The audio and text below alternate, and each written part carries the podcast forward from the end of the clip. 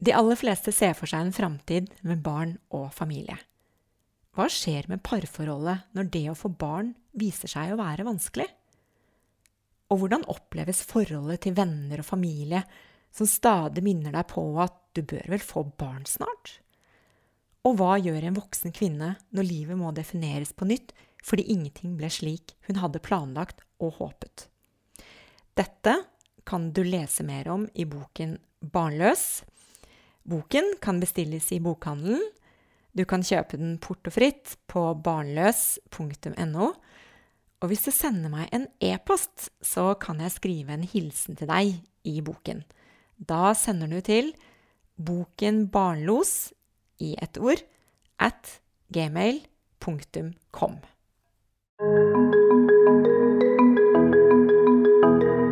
Dette er en podkast om barnløshet. Jeg ønsker å finne svar på hvorfor temaet er så viktig for oss. Jeg vil grave frem fakta på området, og ikke minst dele de viktige historiene bak. Jeg er Cecilie Hoksmark, og mitt mål er større åpenhet. Velkommen, Hans Ivar Hanvik. Takk for det. Du er eh, overlege ved fertilitetsavdelingen i Porsgrunn. Og så er du forsker ved Senter for fertilitet og helse, som ligger under eh, Folkehelseinstituttet. Og i tillegg så er du medlem av Bioteknologirådet. Og derfor så har jeg invitert deg til eh, denne episoden for å snakke rundt dette med assistert befruktning. Og her har du mange tanker som jeg håper at du har lyst til å dele i dag. Det gleder jeg meg til å få lov til å gjøre. Og da um, må vi nesten få høre fra deg hva er IVF-behandling? Ja, hva er assistert befruktning? Det er sånn at uh, når et par har prøvd på vanlig måte å bli gravide i ett års tid, da får de diagnosen infertilitet, hvis ikke de lykkes med graviditet. Da. Um, og de som er infertile, de vil da ofte etter en uh, utredning komme til en avdeling for assistert befruktning for å se om de trenger vår hjelp til å kunne bli foreldre. Um, og når vi da skal sette i gang med behandling av de, så har vi en liten sånn trappetrinnsmodell uh, for hva slags behandling de kan få. Uh, I noen tilfeller så holder det med at vi gir noen tabletter til dama i paret, som dermed får en eggløsning som hun ikke har. Da går vi tilbake og sier vi hos noen så eh, holder det med at vi gir noen tabletter til dama i paret. Det er ofte hos par der det kan være vansker med eggløsning. Når hun eh, etter å ha tatt de tablettene får eggløsningen sin, så kan de ha samleie på vanlig måte hjemme og bli gravide på den måten. Hvis det ikke fungerer, så kan vi gå opp, eh, et trappetrinn opp, og da kommer vi til det som heter inseminasjon. Det gjør vi det på ganske lignende måte med en tablett og kanskje noen sprøyter til dama. Så kommer de til vår avdeling, og så eh, avlegger mannen en sædprøve. Så eh, tar vi den inn på laboratoriet, vasker vi den litt og finner fram til de beste svømmerne. Og så setter vi de inn i kvinnens livmor. Da er vi enda mer sikre på at vi har eggcelle og sædceller på samme sted til samme tid. Hvis heller ikke det lykkes, eller hvis det er noen eh, ting ved paret, f.eks. betydelig nedsatt sædkvalitet eller tette eggledere, da kan vi gå rett på den øverste trinnet på stigen vår, som eh, heter IVF, eller ICSI. Det er forkortelse for in vitro-fertilisering, eller intracytoplasmatisk spermieinjeksjon. Det er da to metoder for å befrukte egget utenfor kroppen. Det er nok det man i dagligtalen kaller for prøverørsbehandling. Da.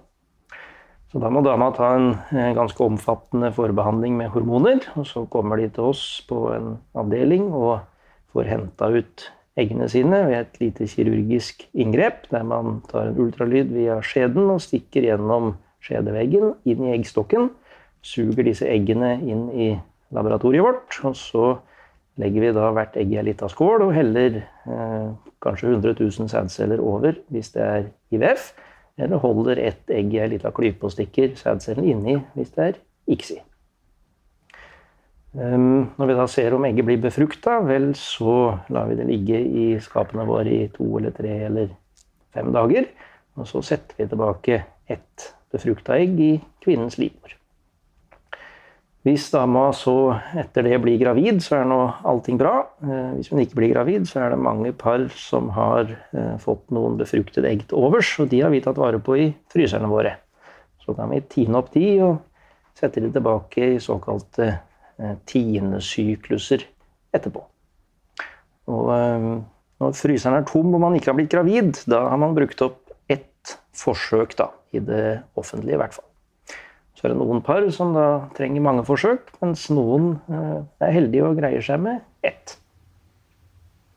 Og så vet vi jo at uh, assistert eh, befruktning uh, At det er flere og flere par som må oppsøke det. Um, finnes det noe tall på hvor mange?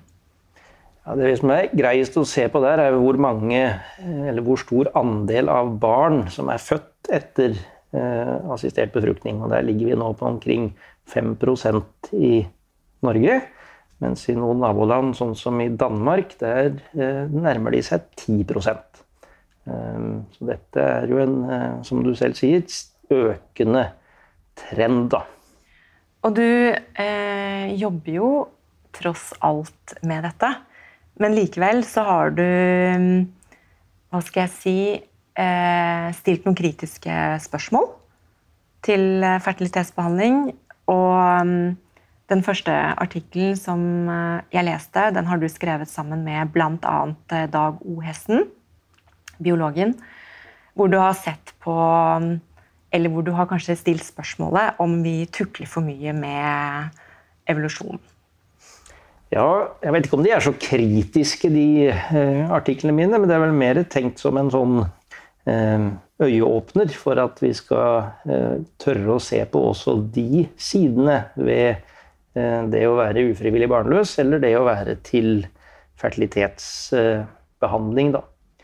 Og utgangspunktet for det var jo nettopp at da jeg begynte å jobbe med dette her, så syns jeg det var veldig spennende å gå inn på laboratoriet og se når de finner den her sædcellen som svømmer rundt og de skal fange for å stikke inn i egget så lurte jeg nå på hvordan i alle dager velger de ut den sædcella der? Og velger de det ut på samme måte som den ville valgt seg ut sjøl, hvis det var det eh, dagligdagse racet som foregår eh, oppi egglederne på kvinnene rundt i verden. Um, og det var de tankene som etter hvert fikk meg til å uh, lansere denne ideen for uh, medforfatterne mine, og så ble det en artikkel av det for noen år siden. ja. Har du møtt uh, mye motstand i miljøet? Eh, har ikke møtt mye motstand angående det å tenke i evolusjonære baner. Det har jeg ikke. Eh, det som var litt overraskende på meg, var at det var ingen som hadde skrevet om dette her eh, i noen særlig grad før. Jeg tror nok dette er sånn som flere har gått rundt og tenkt på. Bare det at jeg sitter her i dag og snakker med deg, er vel et tegn på at dette er noe som mange har vært inne på. Eh, men akkurat det å gjøre seg noen litt mer systematiske tanker omkring det, det eh, var vi tidlig ute med. Og hva tenker du er eh, forskjellen på eh, en IVF-behandling når man tar ut eh, egg og denne sædcellen, i forhold til hva som skulle skje naturlig? Hvorfor vil det bli for ulike celler? Vi gikk inn på laboratoriet og så at de valgte kanskje ut en annen eh, sædcelle i skåla der enn det de ville ha gjort i den vanlige situasjonen. Og hvis man ser det med evolusjonære briller, så kan man stille seg spørsmålet ved om det er et annerledes seleksjonspress i assistert befruktning enn det det er i naturlig befruktning. Og hva betyr noe seleksjonspress? Jo, det er er det andre egenskaper ved sædcellene som vi velger oss ut i assistert befruktning, enn det det ville vært i naturlig befruktning.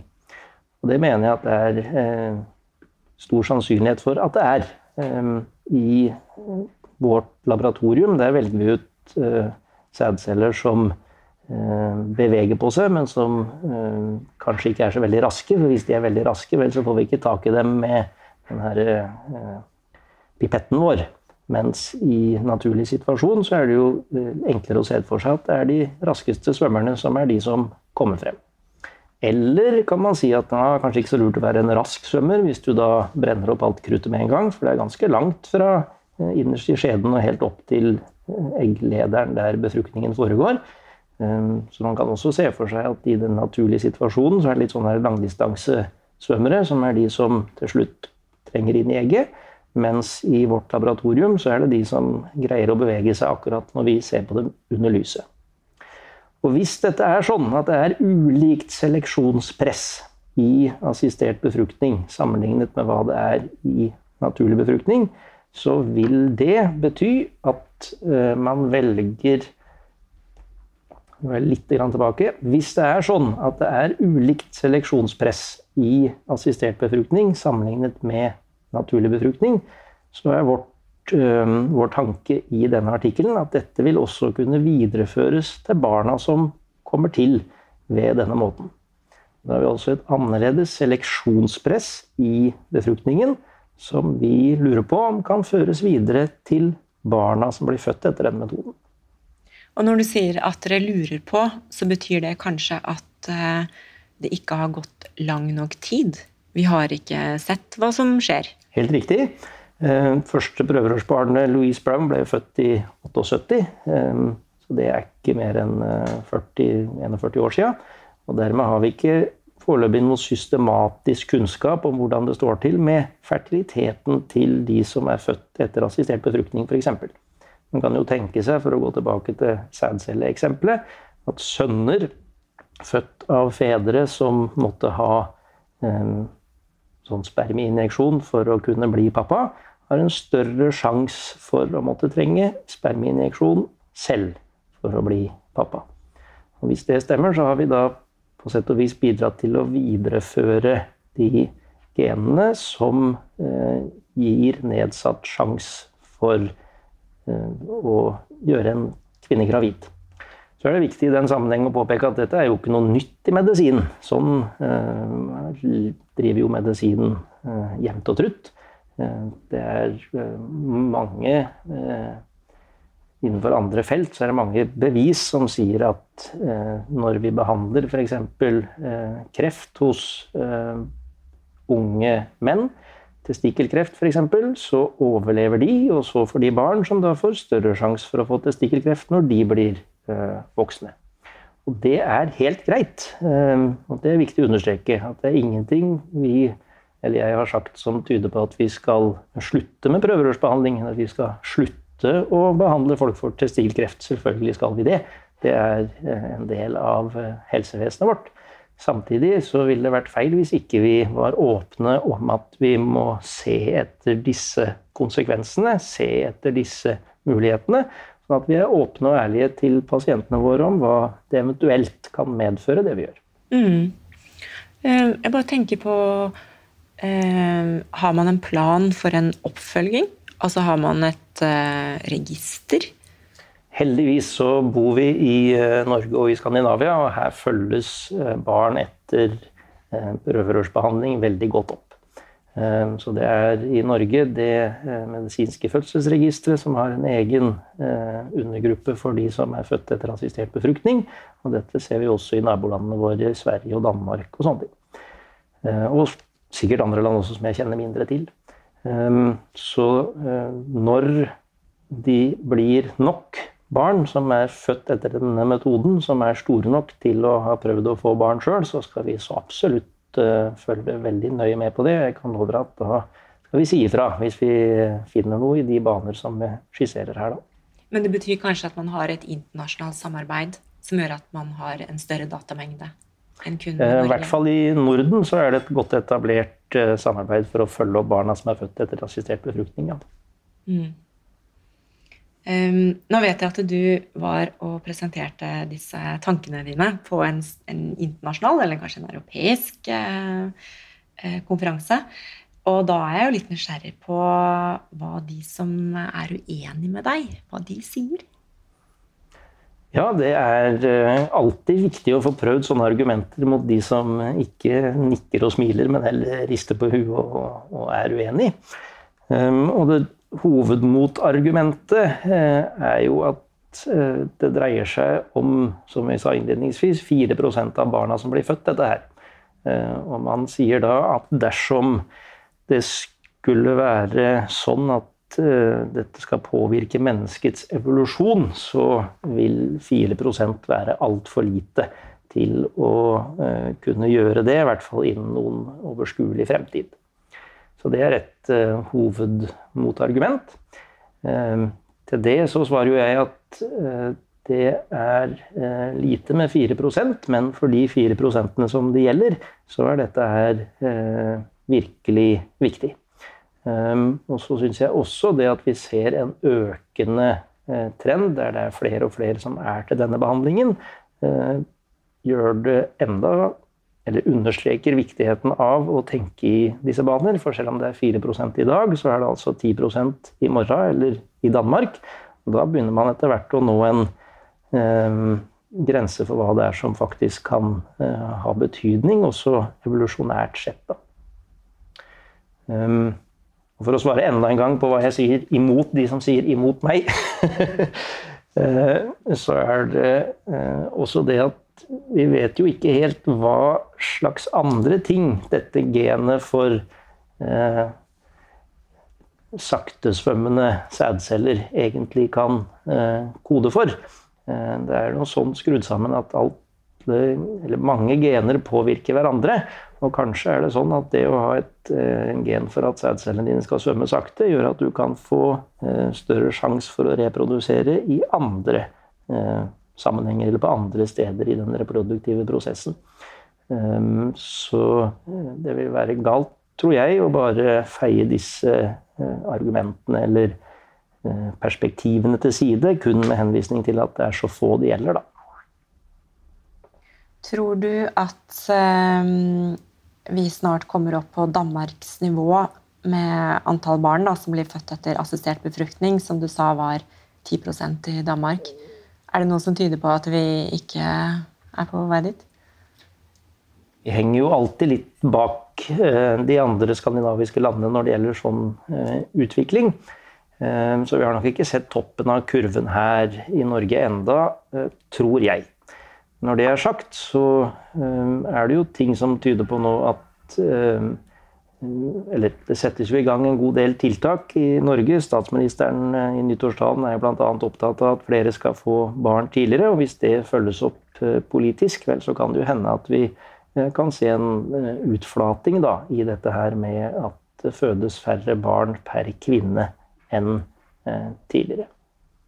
Når det er sagt, så kan jo også noe av årsaken til at det er såpass stor forskjell mellom Danmark og Norge, være at det er en del assistert befruktningsteknologi som er tillatt i Danmark, som ikke er tillatt i Norge. Eh, og hvis vi tillater den, f.eks. assistert befruktning av enslige kvinner, så kan jo det også utgjøre en eh, kanskje markant eh, forskjell, uten at jeg kan si jeg har sett data fra Danmark som, som tyder på akkurat det. Um vi vet vel at det er kvinner som drar til Danmark, og par som drar til Danmark, nettopp for eggdonasjon spesielt, da. Tenker du at hvis vi hadde tillatt det i Norge, at vi hadde fått en voldsom økning? Eller vil de som ønsker det, allerede gjøre det, bare at de drar over landegrensen? Det er nok sånn med eggdonasjon at uh, der er uh, ser ikke for meg at det er et voldsom uh, økning i antall barn som ville kommet dersom vi tillot dette i Norge. Ja, det er noen som ville ha bruk for den behandlingsmetoden, men jeg tror nok den store Forskjellen der vil heller gå på dette med eh, enslige kvinner og samlivsform, som eh, jeg nok eh, ser for meg at har et større eh, betydning sånn i antall fødte barn enn akkurat det med eggdonasjon. Og når vi er eh, inne på dette her, så har jo norske myndigheter ikke tillatt eh, eggdonasjon og ikke tillatt embryodonasjon. Um, og nå sitter du da som medlem av eh, Bioteknologirådet.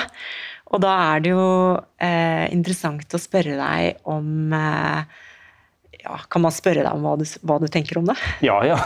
ja. vi er et uavhengig råd, og vi som sitter der, sitter der også uavhengig, så vi kan si akkurat hva vi vil til hvem vi vil innenfor rimelighetenes grenser. Ja. Nei, er, eh, jeg er personlig for eggdonasjon, ja. Eh, det syns jeg man eh, burde åpne opp for. Og det er ikke blitt diskutert i rådet siden jeg tiltrådte, som var nå rett før sommeren. Da var det et nytt råd kom på plass. Fordi det jo i Granavolden-erklæringen ikke åpnes for at det skal bli eggdonasjon med den regjeringen som sitter nå. Men hva var Bioteknologirådets eh, anbefaling? Bioteknologirådets anbefaling har vært klar i favør av eggdonasjon, ja. Eh, I det forrige rådet så har vi altså ikke hatt noen avstemning i det rådet som er nå, eh, men min stemme ville gått for å tilrå det. Og når kommer neste avstemning til å være? nei, det vet jeg ikke. Det er ikke lov å spørre? Nei, nei det har jeg ikke. Eller det hadde vært lov å svare på hvis eh, det hadde ligget i kortet at det skulle komme en sånn avstemning. Eh, men nå har nå Helse- og omsorgsdepartementet sendt jo ut en, eh, et høringsnotat rett før sommeren, som hadde høringsfrist nå på tidlig høst. Og Der kan alle gå inn og se hva Bioteknologirådet mener om de delene av bioteknologilovgivningen som er tatt opp i høringsnotatet. Eh, så var det en del som ikke ble tatt opp i høringsnotatet av politiske grunner, og det var bl.a. det med eggdonasjon. Men det er en del andre ting som eh, departementet tar opp, bl.a. Eh, det å sette en øvre aldersgrense for assistert befruktning i Norge. Og det med å øke lagringstiden for befruktede egg blir tatt opp. Og også det å utvide indikasjonen for å lagre ubefruktede egg og eggstokkvev er tre eh, ting som er med i det nye høringsnotatet, og som eh, det kan se ut som vi får noen lovendringer på om ikke så altfor lenge. Hva tenker du da som er um, både lege og uh, forsker om denne øvre aldersgrensen? Hvor den syns jeg er på sin plass. Ja, Og hvor bør den gå? Nei, det er vært kommet en I høringsnotatet så sto det 45 år som den øvre grensen for når man kan få satt tilbake et befrukta egg i, hos kvinner i Norge. Da. Det syns jeg er en god alder, og man har landa på det. Og det har med å gjøre at det er et det er den alderen der man begynner å se at det er veldig få som blir naturlig gravide etter det. Det fins noen, selvfølgelig, eh, men eh, jeg syns 45 år er en grei grense. Og da fikk jeg plutselig i tankene disse utenlandske klinikkene som opererer med aldersgrenser som er høyere enn det, da. Eh, Opptil 55 år, tror jeg jeg har lest. Hva tenker du om det? Nei, det var jo nå For ikke lenge siden så fikk vi en rapport fra India der det var en kvinne på Var det eh, 79? Nei, da er jeg nå 69. Ja som hadde eh, fått barn etter assistert befruktning. Um, så det fins jo en del eh, Altså, den medisinske utviklingen har jo muliggjort disse tingene. Og for meg så er dette et, en påminnelse om at vi må, når vi Når medisinsk utvikling foreligger, så må vi ikke være redd for å ta de etiske og samfunnsmessige diskusjonene som følger av det.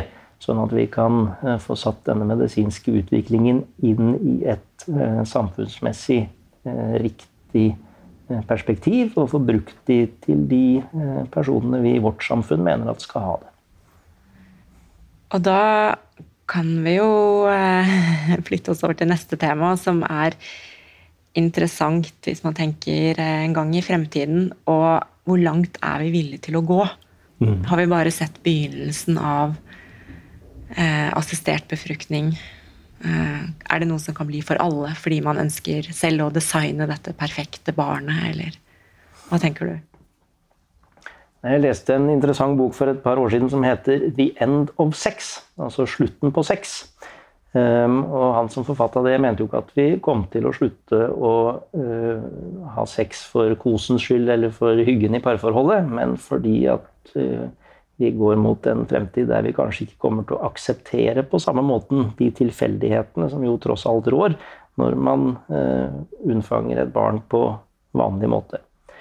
Um, så den forfatteren mente at det med assistert befruktning og det med å kunne eh, ta ut en celle fra et befruktet egg og se hvilken genetisk sammensetning det egget har, er starten på at man i stadig større grad vil velge seg egenskaper som man så eh, kan bestemme hvilket egg som skal settes inn og ikke. Eh, den boka var skrevet før denne CRISPR-revolusjonen kom, og nå er det blitt enda mer aktualisert. Før så var det jo sånn at du kunne velge å ikke sette inn et egg som hadde noen egenskaper du ikke ville ha. Eh, nå er vi vel kanskje eh, der at vi må tenke på mulighetene for at vi kan velge egenskaper som vi ønsker oss inn i befruktede egg, og sette de tilbake. Så er det viktig å påpeke i den sammenheng at dette er en teknologi som ligger i fremtiden, og at det har med sikkerhet å gjøre, og at CRISPR har vist seg å ikke være så treffsikker som vi kanskje eh, trodde. Kan du forklare hva det er? Ja, unnskyld. Eh, CRISPR-teknologien, da eh, kan man i de eh, befruktede eggene si at du har et eh, gen for eh, øyenfarge. Og i det befruktede egget som foreligger, så er det øyenfarge grønn, men så ønsker egentlig foreldrene å ha øyenfarge brun. Vel, så klipper man ut genet for grønn og limer inn genet for brun, for å si det veldig eh, enkelt. Og så setter man inn dette befruktede egget, da. Og eh, når man kan gjøre den type endringer med eh, stadig flere egenskaper, eh, så er det jo mulig å se for seg at eh, man vil eh, kunne designe barn eh, i mye større grad enn det man eh, har kunnet gjøre til i dag.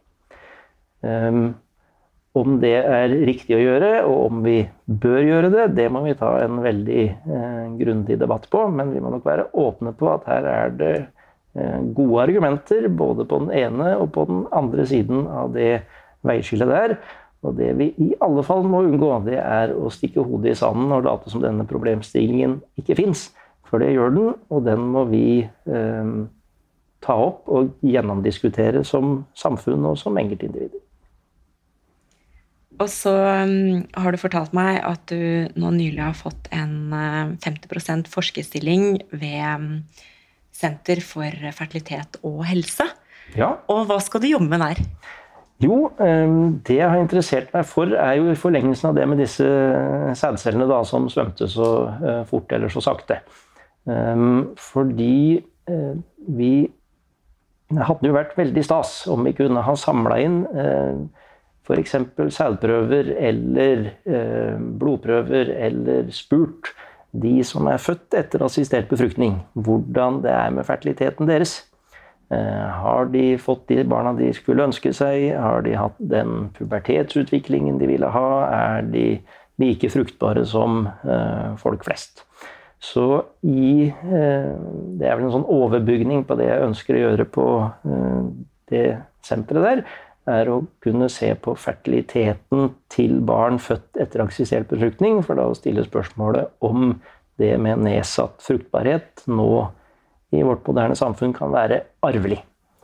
Eh, det, jo, det, er lett å tenke seg at det er en selvmotsigelse, at man skal kunne arve nedsatt fruktbarhet. Det er vel en, eh, ikke akkurat den beste veien å gå hvis du har lyst til å ha mange barn, det å ha nedsatt fruktbarhet. Men eh, med moderne teknologi så kan det altså hende det er mulig, og det syns jeg vi skal ta en litt grundigere kikk på.